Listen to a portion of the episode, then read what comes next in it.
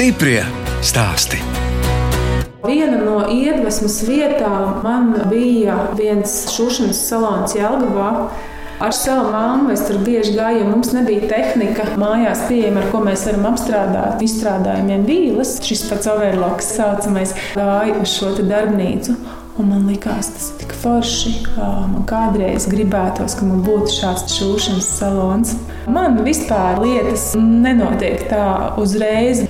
Man kaut kā ir diezgan ilgi visu katru šo lietu jāiet, bet uh, es aizēju. Tā stāsta Sandra Valaine no Jālgavas novada cenu pagasta, kas savu šūšanas uzņēmumu izveidoja pirms pieciem gadiem. Es, žurnāliste Dāna Zalamane, šoreiz ciemojos pie uzņēmējas, kas no līnašuja galdautus, dvieļus un gultasveļu un uzņēmēja darbību attīstījusi, īstenojot trīs līderu projektus. Pēdējais no tiem ir darbnīcas izveidošana, un tagad cenu pagastā blakus dzīvojamai mājai ir atsevišķs namiņš, kur jau šovasar tiks uzņemti klienti. Sandra stāsta, ka izaugusi Jālgavā. Dzīvoja daudz dzīvokļu mājā, diezgan zaļā apkārtnē vēl tajā brīdī. Mums bija blakus mājai pļava, un tā bērnības lielākā atmiņa noteikti ir vesels bērnu bars. Mums vienmēr bija ko darīt, un tās noteikti vairāk bija vasaras. Savācāmies, spēlējāmies lēlēm, pļavās. Un uh, uz Svētas upi gājām peldēties. Šobrīd brīnos, kā tik mazi bērni vieni paši. Bet uh, toreiz laikam bija tā, ka vecāki no rīta aizgāja uz darbu, vakarā atnāca. Un diezgan liela vaļa bērniem bija darboties pēc sava prāta. Vecāki, par ko tas strādāja? Māma un tēvs īstenībā vienā darbvietā kādreiz arī kopā strādāja. Tie bija Latvijas energo, dienu elektriskie tīkli. Tētis strādāja arī bankā. Var sakot, tā, tādi algoti darbi. Es esmu pabeigusi mm, Jāgaunas muzikas skolu. Es spēlēju violi. Stājoties šajā muzikas skolā, mani novērtēja kā ļoti labu dzirdi, absolūtā dzirdi, un tā kā tiku pie violas spēles. Cik es atceros, man violas skolotāja bija teikusi mammai, ka es esmu talantīga, bet slinka. Bet izturējāt līdz galam? Es izturēju, un īstenībā pirms trīs gadiem es satiku Jelgavā netīšām savu violas skolotāju. Ļoti jauka skolotāja, viņa joprojām pasniedz Ailita Dumpe. Un es taču sarunāju ar viņu, gāju uz privātu stundām, kādus divus, trīs mēnešus. Bet sākās Covid, diemžēl, un nedrīkstēja tikties. Bija arī kāds radinieks, kam interesēja šūšana, bija kāds rūpnieks cimtā. Šūšana man ierādīja tiešām mamma, jo mamma pati sev izgatavoja drēbes, apģērbu, arī man šo to. Un uh, skolas laikā šuvu žaketes ar roderi, arī svārciņi, viss bija ar roderi. Kādā 9. klasē noteikti staigāju savās drēbēs, sevis derinātās. Ģimenē nebija tā, ka man trūka kaut kas ļoti svarīgs. Bet man nebija tāda apstākļi, kad uh, manā māma varēja nopirkt to, ko es vēlējos.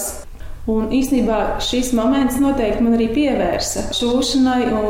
Es vienmēr esmu gribējusi tajā laikā īpaši izskatīties labi, nedaudz atšķirīgi no citiem. Nu, tad es tā arī pēc skolas nācu mājās, un tas bija tas mans hobijs. Sandra, jūs esat tāda pacietīga pēc rakstura, jo man liekas, ka šuvējai kāda vīlīte taču tāpat kādreiz ir jātārda, ne jau vienmēr viss izdodas uzreiz. Es biju ļoti pacietīga, jo ierobežot resursi, tev jātiek galā ar savu iesākto darbu. Vēl skolas laikā, toreiz bija darbmācība, bija jāšai svārki.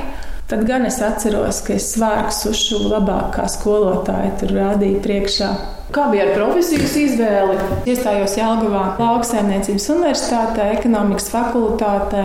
Es pabeidzu grāmatvežus. Es pirmo gadu mācījos klātienē, pēc tam pārgāju uz studijām neklātienē. Sāku strādāt bankā. Darbā ar klientiem? Jā, īstenībā visa mana darbošanās ir vienmēr bijusi saistīta ar darbu ar cilvēkiem, ar klientu apkalpošanu. Bet arī strādājot bankā, jūs joprojām kaut ko pati sev uzšujāt, ja tad nebija laika? Nē, absolūti nē. darbs paņēma īstenībā tik daudz enerģijas. Mēs, protams, arī ar vīru bijām iepazinušies, bija jādraudzējas. Bet arī skolas laikā tas, ka es pats sev šuvu šīs drēbes, man tas vairāk saistījās ar to, ka ģimenei nav finansiāli tāda iespēja man to nopirkt, ka man tas pašai jātaisa. Es īsti ar to nelielījos, ka es pati šuju.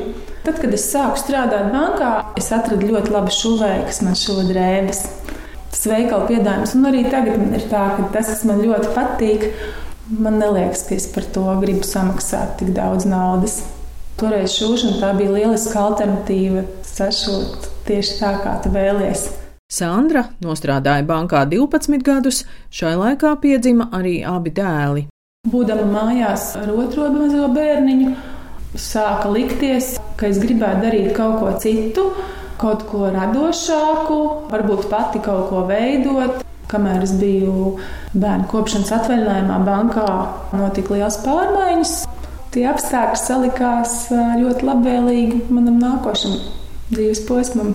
Kā jau jūs man paspējat izstāstīt, ka tieši pirms 12 gadiem, martā, jūs nopirkāt pirmo izšūšanas mašīnu.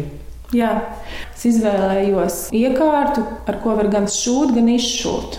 Nomainot bloku, viņi paliek par izšūšanas mašīnu. Kāpēc bija svarīga tā izšūšanas funkcija? Te laikam es ietekmējos no tādiem senāku laiku darbiem, jo mēs ģimenē saņēmām mantojumu ar dažādām tekstīlijām. Tie bija tādi Latvijas laika saimnieču darinājumi, galdauti ar izšūmiem, košiem, bija Kuzņecova servīžu momenti, kur šīs skaistās puķes Un šī romantika un tas, ka tas ir šūts, saistīts ar to, kas man jau patīk, acīm redzot, man uzvedinājusi to, ka es varētu radīt galdautus, salvetes, lai padarītu mājokli tādu skaistu gan sev, gan kādam citam.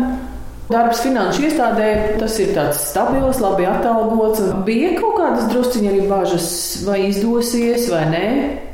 Man liekas, ka nebija man bažu. Tad, kad es vīram teicu, toreiz vēl mēs nebijām precējušies, bet toreiz es teicu, ka es varētu šūt šos te galdautus un taisīt izšūmus.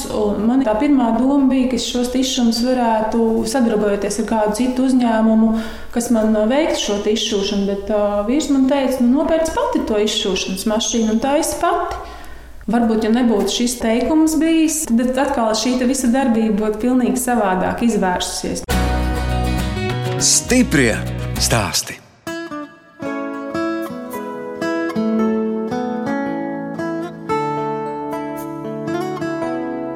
Jūs klausāties raidījuma stipri stāstī. Turpinu ciemoties pie Sandras Valainas, Jāgavas novada cenu pagastā. Viņa pirms pieciem gadiem izveidoja savu uzņēmumu un no Līna šuja galdautus, dvieļus un gultas veļu. Sandra izveidojusi divus zīmolus - Sanpo, kas ir radies no Sandras vārda un uzvārda, un otrs zīmols ir Linena teritorija, kas norāda, ka uzņēmumā top preces no Līna auduma. Dodamies apskatīt šūnu mašīnu ar izšūšanas funkciju, ko Sandra nopirka pirms 12 gadiem. Viņa demonstrē, kā mašīna izšuja divus burtus. Mhm. Tā, tagad mašīna ieslēdzās. Slēdzas iekšā. Te ir ieprogrammēta izšana, ko es pārsvarā neizmantoju. Burtus visus Es taisu izšūšanas programmā. Teicāt, ka jūs, cik jūs tur ilgi sākumā sēdējāt, jā, lai izlasītu Pusotru stundu, lai redzētu, ko izdarītu, lai paņemtu šitā diegu, uzliktu šitā te.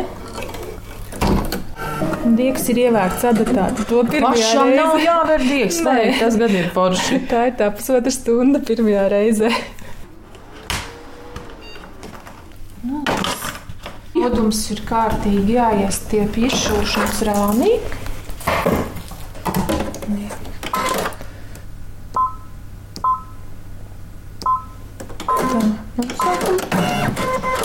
Sākam darbu.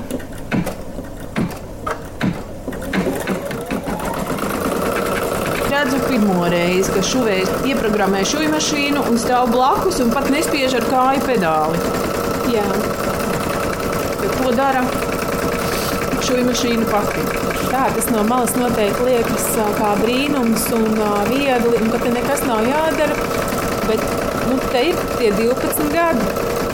Un tad, kad es šuju, tad, protams, ir šis pedāls, kā jūs teicāt, ar kāju. Tad tur ir ar kāju jāstrādā, bet pie izšošanas jā.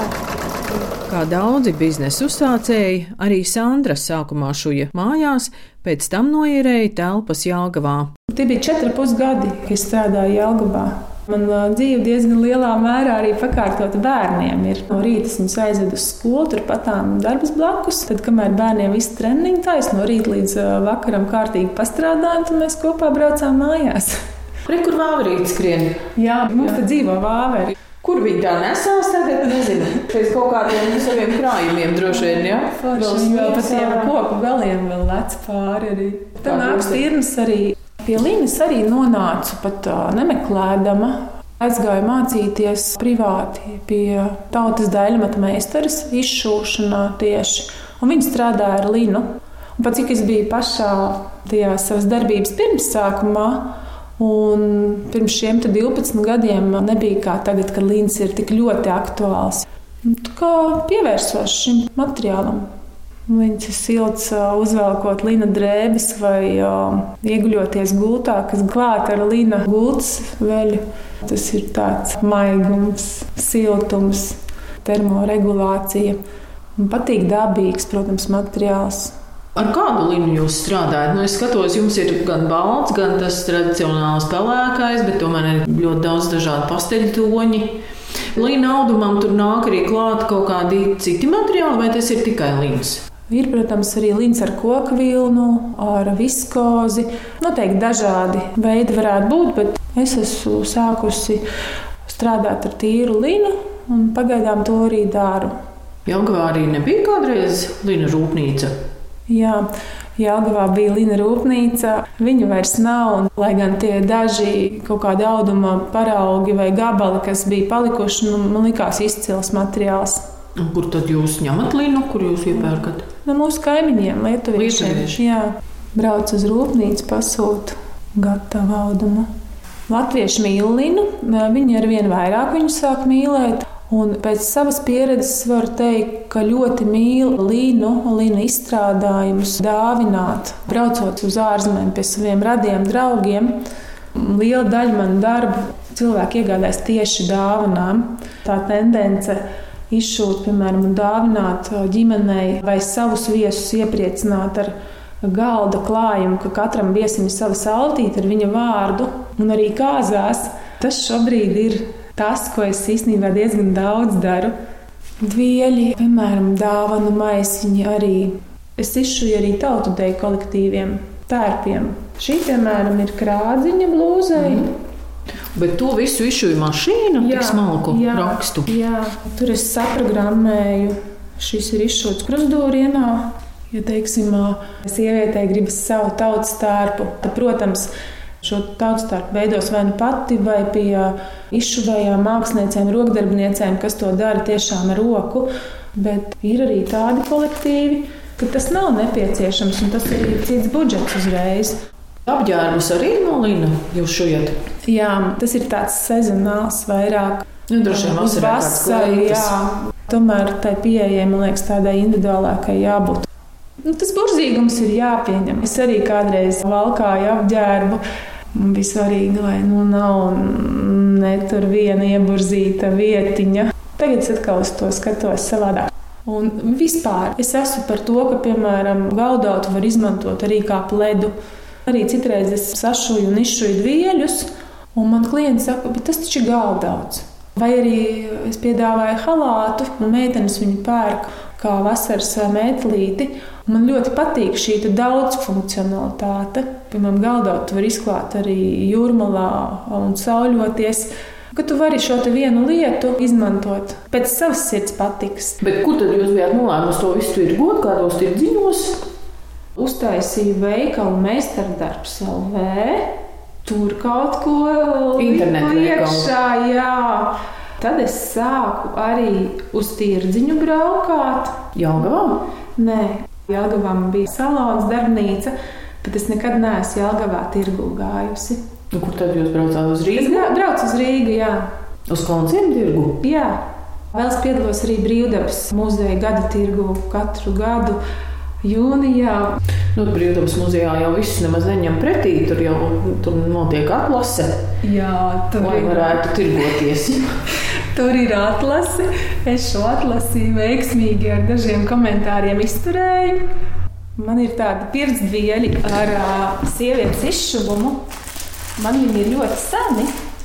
No pašiem sākumiem var teikt. Un tas, Kaila sīvīte. Jā, un tas ir tas, ko man brīvdabas muzejā šī komisija neļāva tirgot brīvdabas tirgu. Nav nekā piedauzīga tiešām. Nav. Tas ir arī jūsu, jūsu skice.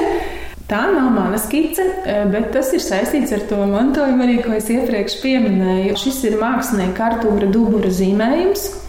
Artošs Duburs bija viens no pirmajiem Latvijā tādiem slaveniem grafiķiem. Viņš arī melnam balzāmam ir etiķeti taisījis ķūzēm, ēreni presam. Tā kā šis ir viņa zīmējums, 28. gadā zīmēts, mēs viņu pārvērt izšūmā. Sandra Valēna stāsta, ka ļoti noderīgas bijušas mācības Jāgavas biznesa inkubatorā. Četri lieliski gadi. Un šis laiks arī turpinās, jo Es joprojām turpinu apmeklēt šīs ikmēneša tikšanās reizes, seminārus. Bet kas bija tās vērtīgākās atziņas, ko jūs tajā inkubatorā ieguvāt? Tā noteikti ir komunikācija, tā ir komūna, pieredzes stāsti, pozitīvā pieredze, netika pozitīvā kāpieni, klupieni.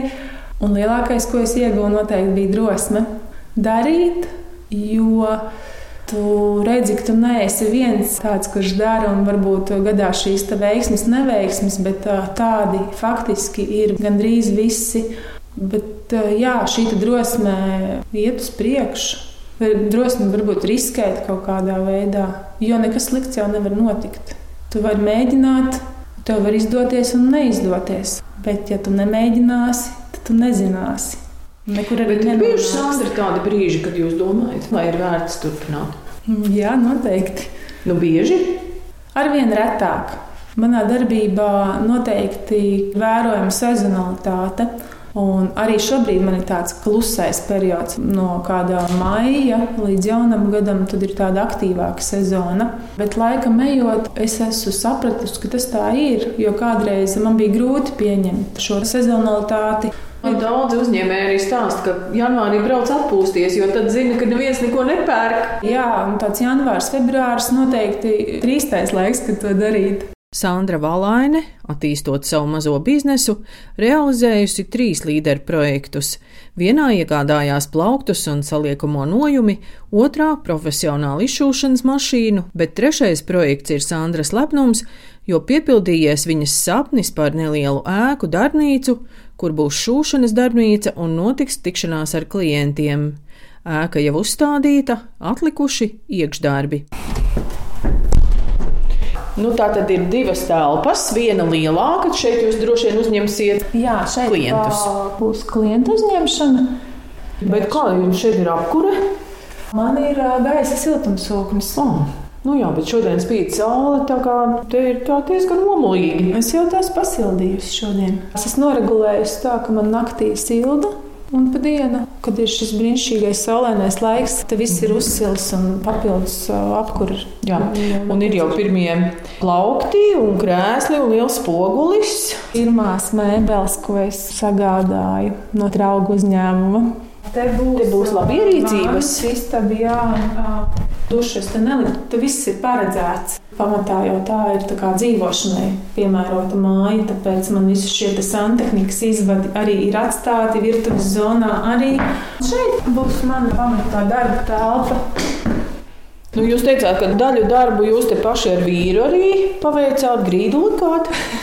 Jā, man likās, ka būtu forši arī pašiem kaut ko izdarīt ar savām rokām. Vīrs piekrita, ka mēs paši ieklāsim grīdas segumu.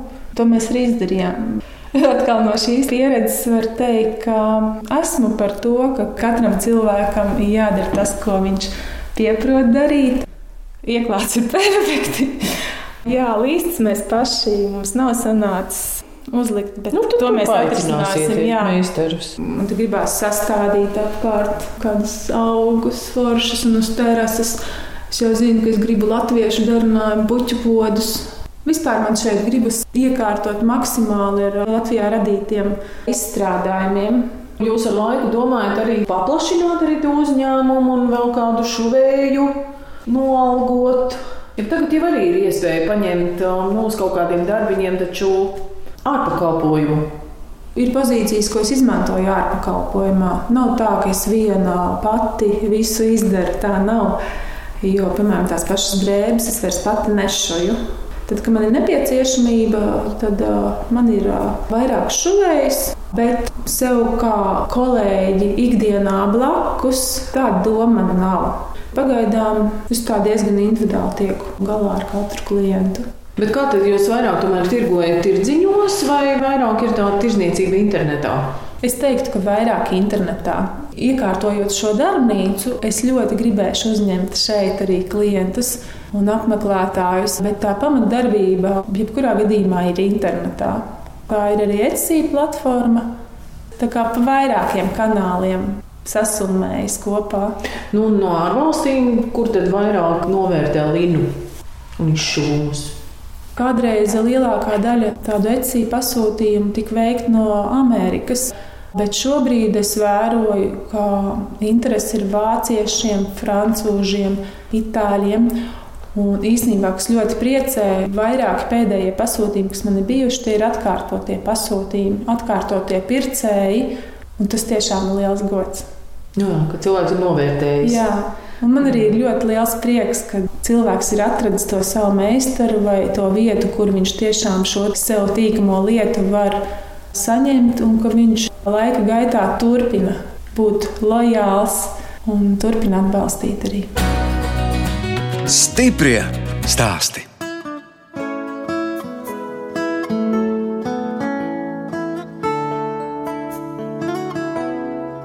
Jūs klausāties raidījumu stipri stāstī. Turpina ciemoties pie Sandras Valainas, Jāgavas novada cenu pagastā. Viņa pirms pieciem gadiem izveidoja savu šūšanas uzņēmumu un no līna šoja galdautus, gultas veļu un citus izstrādājumus. Sandra vēl stāsta par abiem dēliem, Mārtiņu un Gustavu, un vīru Intu. Mēs esam varbūt kaut kādā ziņā diezgan līdzīgi, bet arī ļoti atšķirīgi.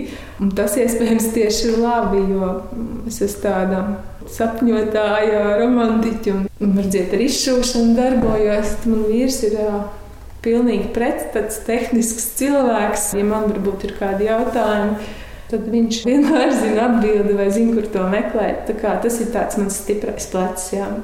Un Inns ar ko tad ikdienā nodarbojas? Viņš strādā automobīļu importētājā Latvijā.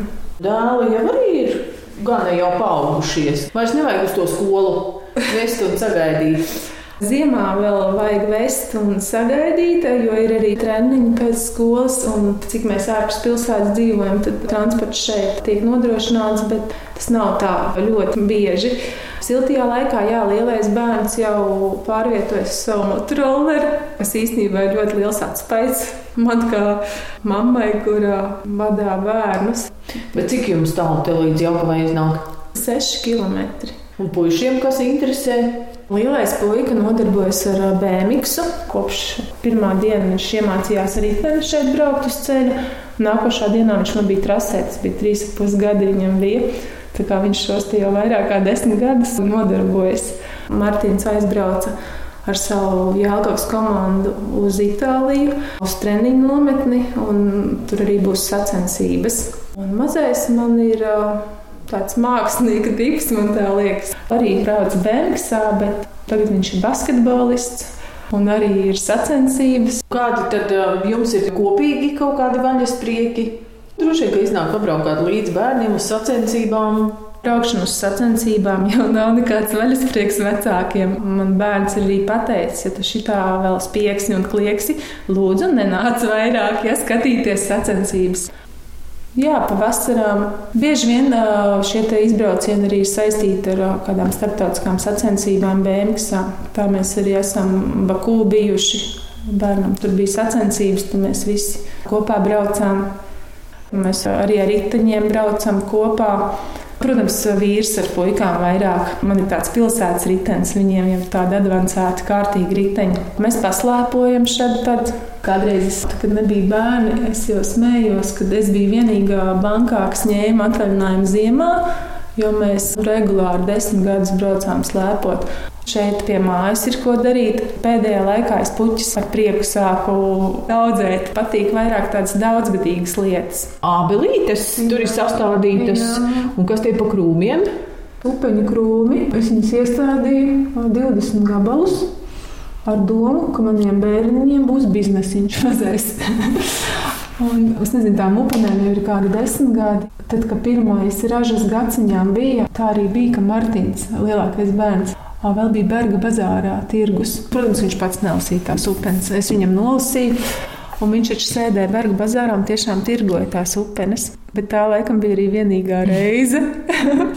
Man gribējās, lai viņi redz, kā nauda radās. Nu, tajā siltumnīciņā, ko te jūs tur audzējat, kādu tomātiņu? Gan viņš ir mammas palīdzība, bet es viņu spēju nomenedžēt, tur audzēju tomātus. Tad man ir viena doma vēl ar ziemcietēm, ko es arī varu nomenedžēt. Un te zem sniega droši vien ir zālājs, jā? Zālē. Arī diezgan ir ko pļaut, vai ne? Pļaušana mums arī nodrošina bērni. Piemēram, ēst gatavot man nevisai patīk. Man nepatīk tas moments, kad tu ilgi dari kaut ko gatavojies un tad tas pēkšņi Čik, čik Jā, man vairāk patīk tādas ilgi lietojamas un tādas paliekošas vērtības. Es nezinu, kā tas ir salicies, bet mani bērni, ceļš lielākais bērns, viņi ļoti labi gatavo. Jau no ļoti agra vecuma es atceros, ka Mārtiņš bija pie drauga palicis pa nakti. Bet tur tika gatavots zakarības. Viņš bija sacepts karbonādes. Viņam, es nezinu, seši gadi bija vai septiņi. Mēs arī mēdzam iet uz vietām, kur var forši garšīgi paēst, pastīties. Nu, dažādi līmeņi šo gan izpildījumu, gan dažādas virtuves. Viņi zina, uz ko viņi var tiekties. Lieliem bērniem ļoti patīk gatavot ēst. Es droši, ka mans bērns nepaliks nēdis. Un varbūt arī es ceru, ka arī citiem sagatavos priekš citiem saviem biedriem. Tā visās ir par šo vietu, tādā cenu pagasts. Te skaitās ciematiņš, tāds jaunomālēju ciematiņš. Mm, nekāds ciemats te īstenībā tā oficiāli neskaitās. Un mēs bijām vieni no pirmajiem, kas šeit iedzīvojāmies. Mēs šeit dzīvojam 15 gadus, un tad, kad mēs šeit atnācām, mēs būtībā atnācām uz vienu tādu lielu pļavu kuri cilvēki tur pievelkās. Es arī ticu tam, ka pievelkās tālāk nākošie klāts. Sandra, nu redz, jūs strādājat ar līnu, bet es skatos, jūs pašai taču arī ir līna bikses un līna blūze balta mugurā. Tas nozīmē, ka jums pašai arī tas materiāls patīk. Jā, it sevišķi pēdējos gados es ļoti novērtēju, un es priecājos, es tiešām kaifoju no Līna. Bija tas sākuma posms, kad es šuvu citiem, un es pat neizmantoju mājā vielu savējo. Tagad tas ir mainījies. Un, uh, Nav tā, ka es esmu visa līnā, un tā absolūti nav. Bet uh, jā, man ļoti patīk.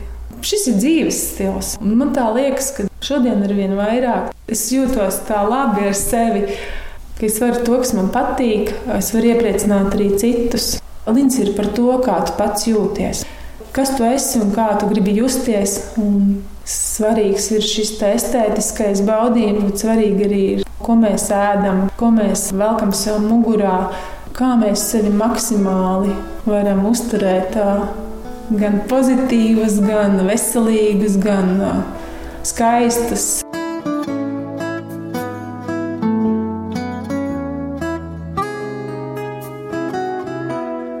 Radījums stipri stāst izskan, un mēs atvadāmies no Sandras Valainas, kas jau piecus gadus nodarbojas ar līna izstrādājumu, šūšanu un izšūšanu, un šovasar klientus uzņems savā jaunajā darbnīcā Jālgavas novada cenu pagastā. No jums atvadās žurnāliste Daina Zalamane un operātore Inga Bēdele, lai tiktos atkal tieši pēc nedēļas.